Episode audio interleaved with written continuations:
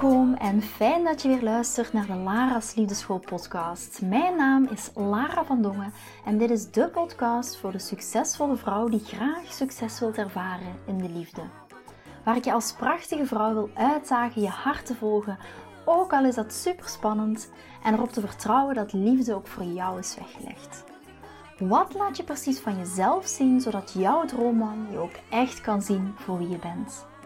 Dat is waarmee ik je in deze podcast wil inspireren en introduceren in de prachtige wereld van de liefde.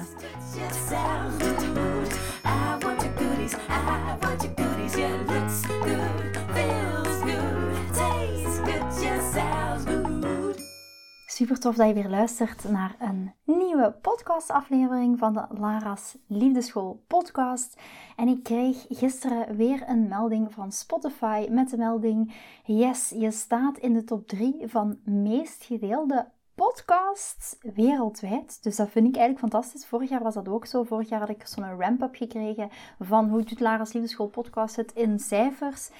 En uh, vorig jaar was dat ook het geval, maar dit jaar is dat dus weer het geval. Dus ik vind het fantastisch. Bij deze wil ik jullie heel graag bedanken als trouwe luisteraars voor um, de podcast te delen, om het te delen met vriendinnen, met collega's, met, met dames die je kent. Dus een hele, hele dikke dankjewel. You make my day. En dit is ook waarom dat ik het doe. Ik ben ooit met de Lara School podcast begonnen met één podcast om de 14 dagen. Daarna één podcast per week. En nu maak ik er drie tot vier per week. En dat is ook natuurlijk omdat ik ook voel van jullie, van jullie luisteraars, dat jullie er echt iets aan hebben. Dus dat vind ik fantastisch. Dus een mega, mega, mega dikke dankjewel daarvoor. You make my day. Ik kom ook net van de tandarts. Ik heb al een beetje een bewogen dag achter de rug. Heel veel heen en weer.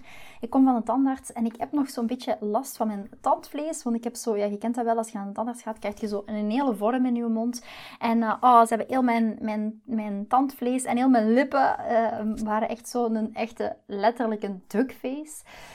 Dus, uh, maar het gaat goed voor deze podcast. Goed, ik ga direct met de deur in huis vliegen. De vraag die ik kreeg in mijn mailbox, en dat is een mega interessante vraag. En ik weet dat heel veel van jullie dames daarmee worstelen, omdat ik dat ook op een of andere manier komt de laatste tijd ook veel meer op mijn pad. Verlatings- en bindingsangst. En misschien herken je dat bij jezelf wel, dat je worstelt met bindingsangst, worstelt met verlatingsangst. Die vraag krijg ik ook meer en meer um, de laatste, poeh, laten we zeggen de laatste weken. Dus dat is ook een teken voor mij om hier iets mee te gaan doen. En ik dacht, oké, op basis van die vraag wil ik daar heel graag een nieuwe podcastaflevering over maken. Dus de concrete vraag was, als je iemand met symptomen van bindingsangst aantrekt, wil dat dan automatisch zeggen dat je zelf last hebt van verlatingsangst of eventueel vice versa. Dus als je iemand met, als je iemand met symptomen van bindingsangst aantrekt, wil dat dan automatisch zeggen dat jij zelf last hebt van verlatingsangst en vice versa. Heel kort door de bocht, niet noodzakelijk. Het aantrekken van iemand met symptomen van bindingsangst betekent niet automatisch dat jij zelf last hebt van verlatingsangst en vice versa.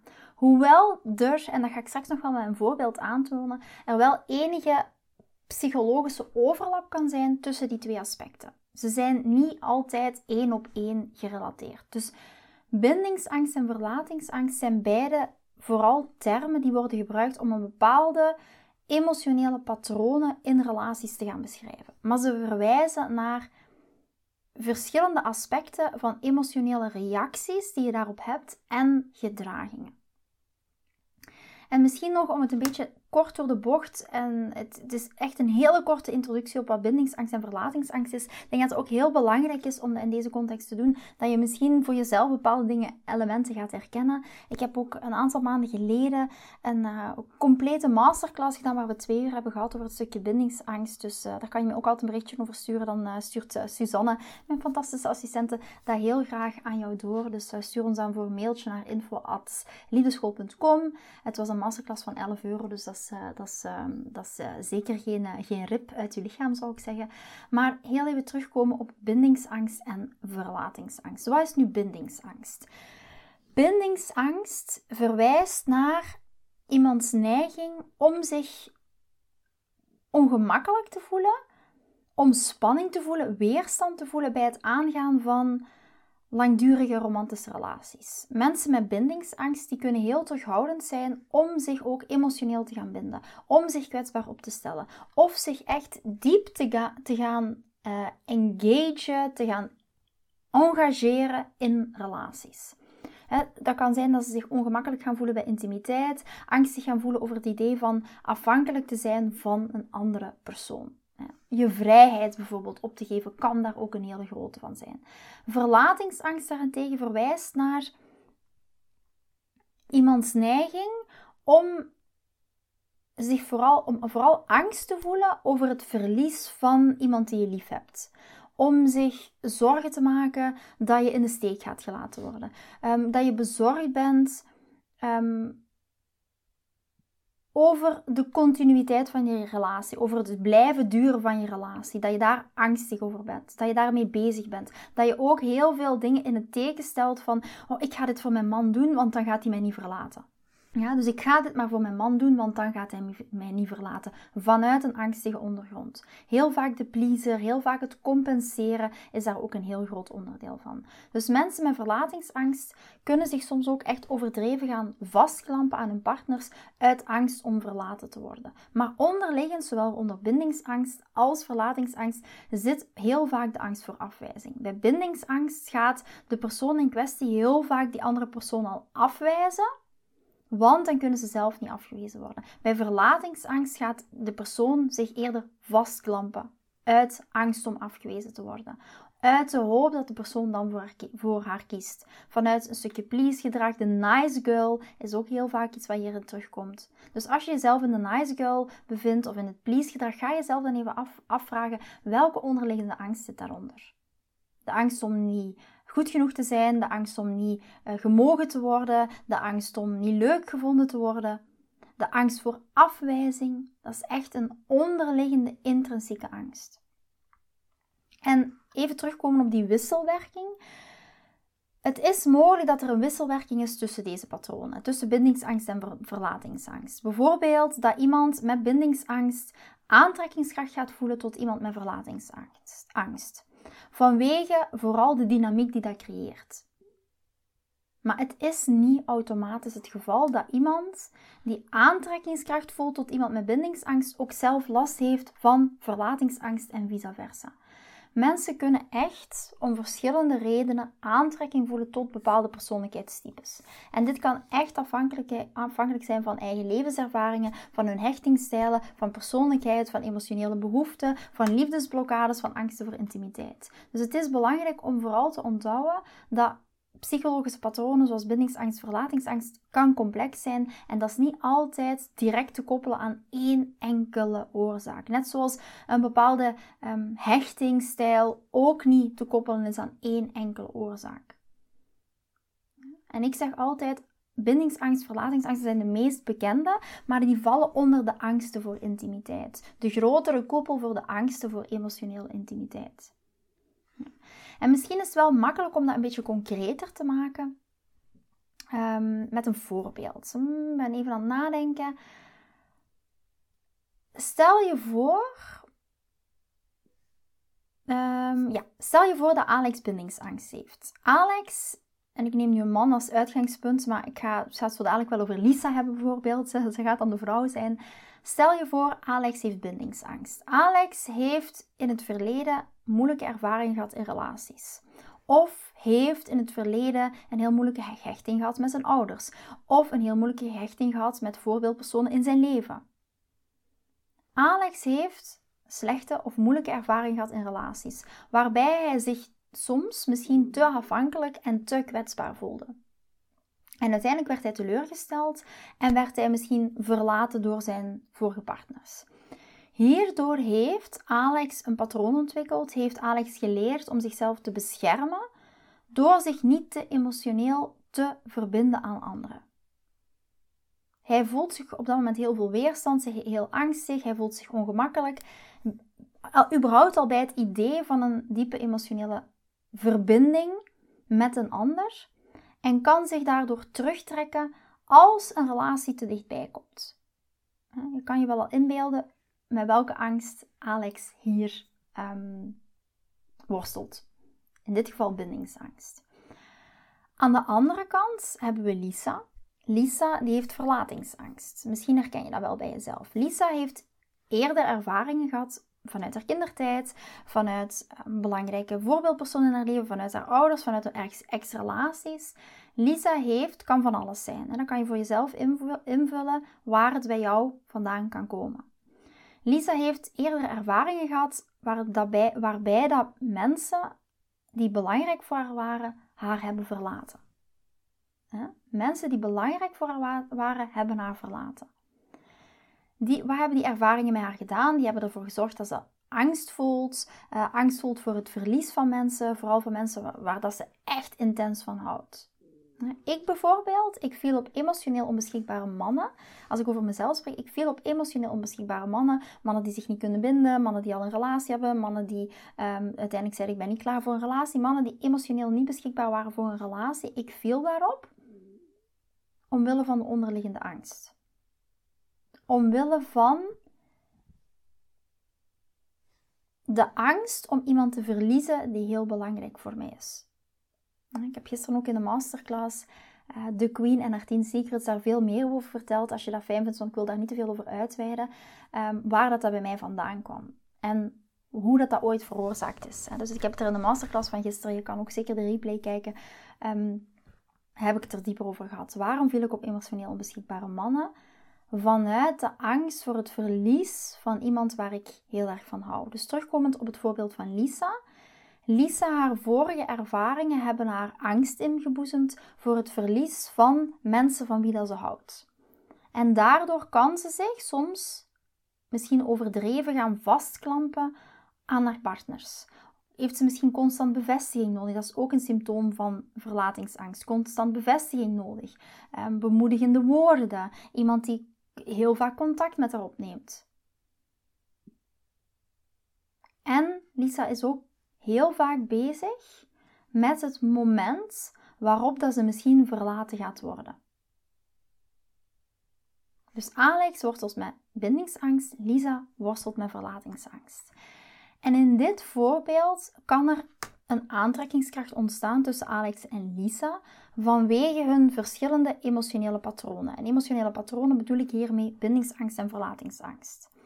Alex die voelt zich in eerste instantie aangetrokken tot Lisa vanwege misschien haar intense emotionele betrokkenheid. En die wordt weer aangewakkerd door haar verlatingsangst, misschien haar behoefte aan bevestiging. En dat lijkt misschien op een tegenstelling, omdat Alex de neiging heeft om zich terug te trekken. Maar toch is er aantrekkingskracht. Dus in dit voorbeeld kan er een aantrekkingskracht ontstaan tussen Alex en Lisa vanwege hun verschillende emotionele patronen. Alex voelt zich in eerste instantie aangetrokken tot Lisa, misschien van, vanwege haar intense emotionele betrokkenheid, dat zij wel diep in haar emoties kan gaan, terwijl Alex net haar op een afstand houdt. En voelt zich misschien ook aangetrokken omwille van die behoefte aan bevestiging, die daar dan ook mee samengaat. En dat lijkt op een tegenstelling tot Alex zijn eigen neiging om zich terug te trekken. Maar Lisa kan op haar beurt zich ook aangetrokken voelen tot Alex vanwege zijn terughoudendheid. Omdat dit haar vooral het gevoel geeft dat ze controle heeft en dat ze niet zomaar verlaten gaat worden. Het kan, maar dit betekent niet automatisch dat Alex en Lisa ook zelf last hebben van tegenovergestelde angst, hoewel hun patronen elkaar kunnen versterken. Ja, dus je ziet, het ene hoeft niet het andere te zijn.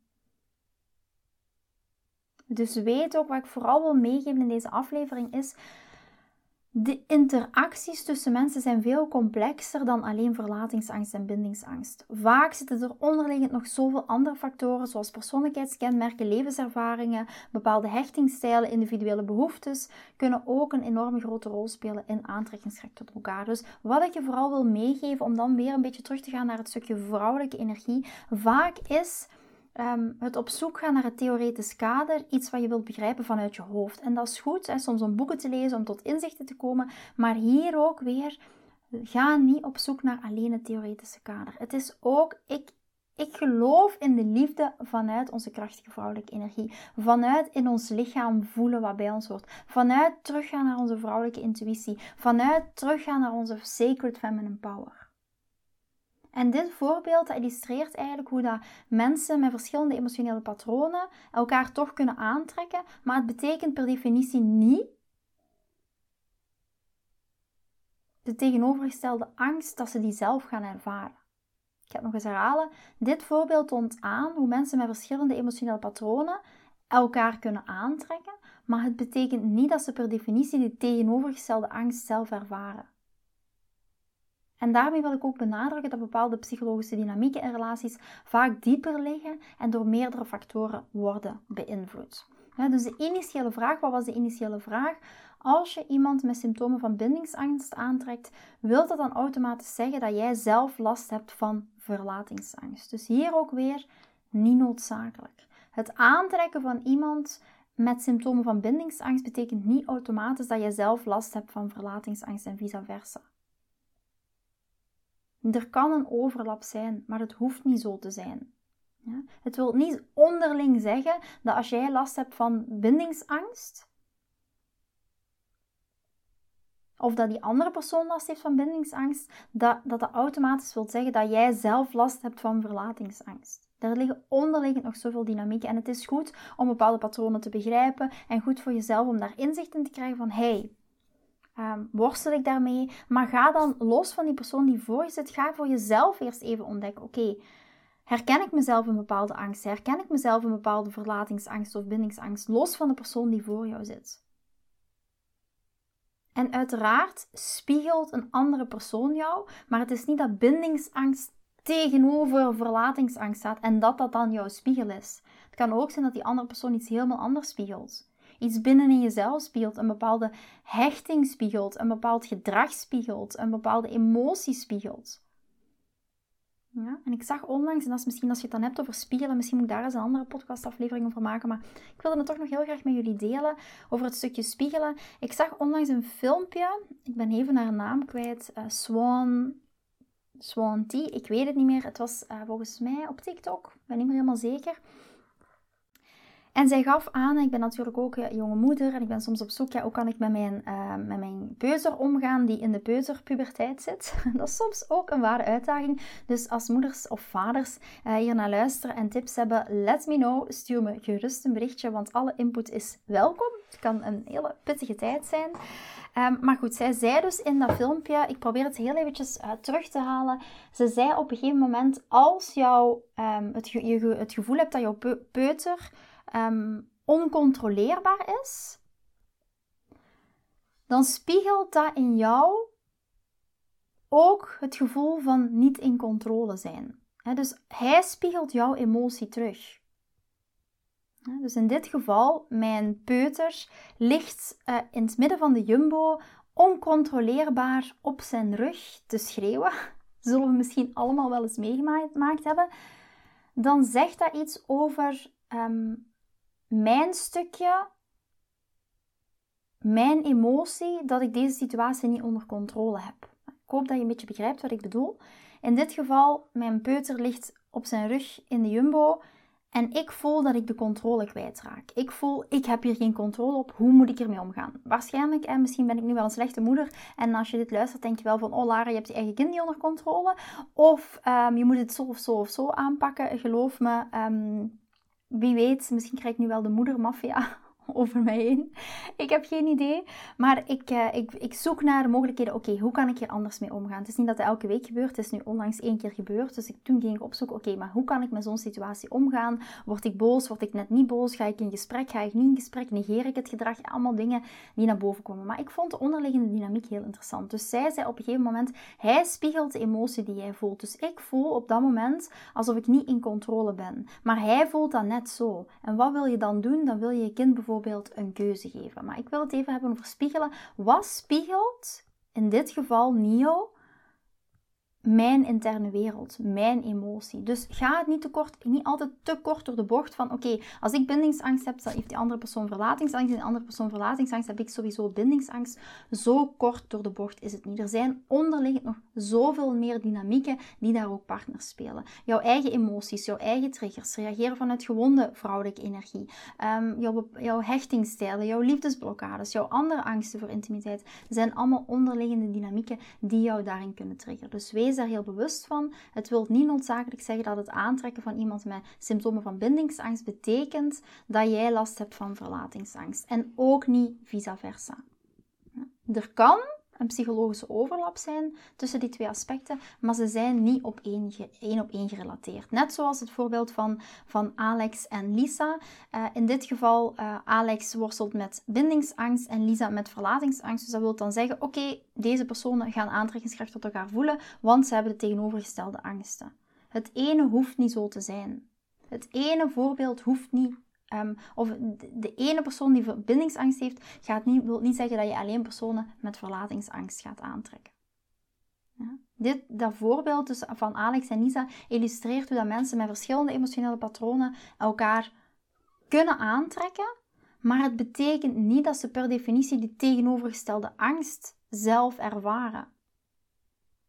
Ik wil vooral bij deze podcast even benadrukken dat ook dat psychologische dynamieken in relaties heel vaak dieper liggen en door meerdere factoren worden beïnvloed. En dat is ook echt waarom ik ehm, werk met een, een, een, Love Queen traject, waarom dat, waar, dat, waar, waar dat ik binnenkort ook ga werken met de Lara's Liefdeschool Community omdat het echt belangrijk is om hier ondersteuning bij te hebben. Omdat het echt belangrijk is om iemand die meekijkt met waar je tegenaan loopt. Omdat het echt belangrijk is, en ik geloof echt in boekenwijsheid. Ik ben ook zelf van boeken lezen.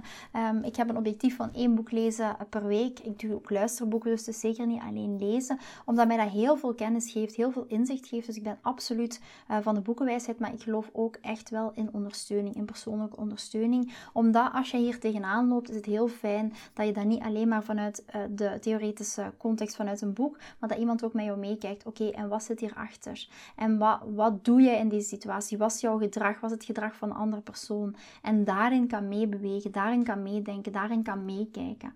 En niet alleen vanuit hoofdgerelateerde, vanuit het theoretisch kader, maar ook echt naar jouw vrouwelijke energie natuur. Veel meer naar het voelen, veel meer, veel meer naar je emotie en niet alleen uit het begrijpen vanuit het theoretische kader. Dus als je nu momenteel, jij herkent je bijvoorbeeld in verlatingsangst, wil dat niet zeggen dat je morgen per definitie een partner gaat aantrekken met, um, met bindingsangst of dat jij je gaat aangetrokken voelen tot een partner met bindingsangst. Mensen met verschillende patronen kunnen elkaar aantrekken, kunnen aantrekkingskracht voor elkaar voelen, maar het betekent niet dat ze per definitie de tegenovergestelde angst zelf ook echt zo ervaren. Er zijn zoveel meer achterliggende dynamieken. En dat is echt een message voor vandaag. Dus blijf zoveel mogelijk uit je hoofd, alleen maar uit het theoretisch kader, om dat theoretisch kader te begrijpen. Maar ga ook eens invoelen bij jezelf. Als die persoon die tegenover jou zit, jou ergens raakt, als je ergens een weerstand voelt, als je ergens getriggerd voelt, ga dan eerst eens kijken naar jouw emotie. En dat is het voorbeeld wat ik net aankaart met Nio. Mijn emotie is een stukje, ik voel mij out of control. Ik voel alsof ik geen controle heb over de situatie. Maar dat is hoe Nio zich ook voelt. Nio voelt zich liggend op zijn rug in de jumbo, want ik zeg nee, je mag geen snoepje. En hij heeft het gevoel, ik krijg geen keuze. Dus hij voelt zich ook out of control. Dus wat, welke emotie krijg je teruggespiegeld hierin? En dat is wat ik bedoel, blijf uit het theoretisch kader, maar ga meer naar de emotie. Ga meer naar het gevoel. En wat krijg jij daarin gespiegeld? Wat is daar in jouw spiegel? En dat is het mooie en dat is het interessante. Ik ben heel benieuwd wat je voor jezelf uit deze podcastaflevering hebt gehaald. Ik hoor heel vaak terug van, kijk Lara, uh, kan je ze masterclass nog geven over relatingsangst? Uh, kan je de masterclass over bindingsangst nog eens uh, opnieuw geven? Weet ook, wij starten vanaf eind september, begin oktober met de Lara's Liefdeschool Community. En in die community gaat dit ook allemaal aangereikt worden. En gaan, ik ga, um, op dit moment heb ik beslist om niet meer uh, aparte masterclasses aan te bieden. Um, ik ga dat absoluut nog in een gratis context doen, maar niet in uh, betalende aparte, uh, heel specifieke masterclasses. Maar die gaan allemaal geïntegreerd worden in de Lara's Liefdeschool Community, waar dat je op maandelijkse basis een membership kan aangaan en dat je toegang hebt tot alles, tot alle specialisten, tot mezelf, waar je zelf je vragen kan stellen. Nu, um, daarmee doe ik al een tipje van de sluier oplichten, wat er allemaal nog ons staat te wachten in september.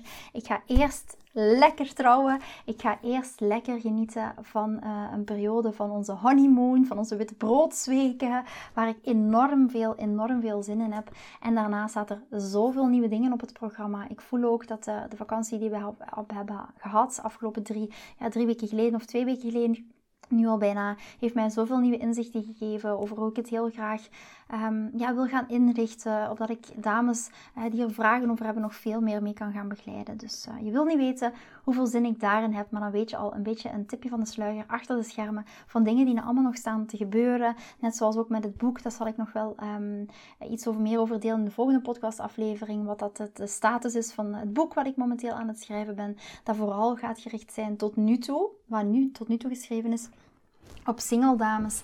En we gaan er uiteraard ook nog een, eh, een thema aan toe over dames in een relatie. Dus je wil niet weten hoeveel zin ik daarin heb om ook daar uh, in de volgende podcastaflevering wat iets meer over te vertellen. Je ziet, ik probeer zoveel mogelijk van behind the scenes te delen, maar ik vind dat soms echt wel een uitdaging omdat er zoveel dingen gebeuren. Maar ik probeer elke podcastaflevering wel uh, iets aan jullie mee te geven. Ik heb ook volgende week weer een pasbeurt van mijn trouwjurk, waar ik ook heel erg naar uitkijk. Dat is echt de laatste pasbeurt en dan is het de final dress. Dus ja, allemaal heel super toffe um, ja, super toffe dingen om naar uit te kijken. En ook nog super dankjewel dat jullie zo goed, dat jullie zo fijn meeleven.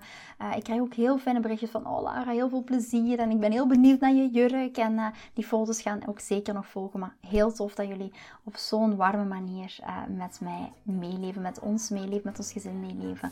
I love it. En ik zie jullie met heel veel enthousiasme in de volgende podcastaflevering. Vind je deze podcast interessant en heb je na het beluisteren van deze podcast het gevoel van yes, mijn tijd is nu. Ik wil ook graag die mooie, verbindende, romantische relatie. Stuur me dan gerust een berichtje naar mijn persoonlijke e-mailadres lara.liefdeschool.com en laat ons persoonlijk connecten.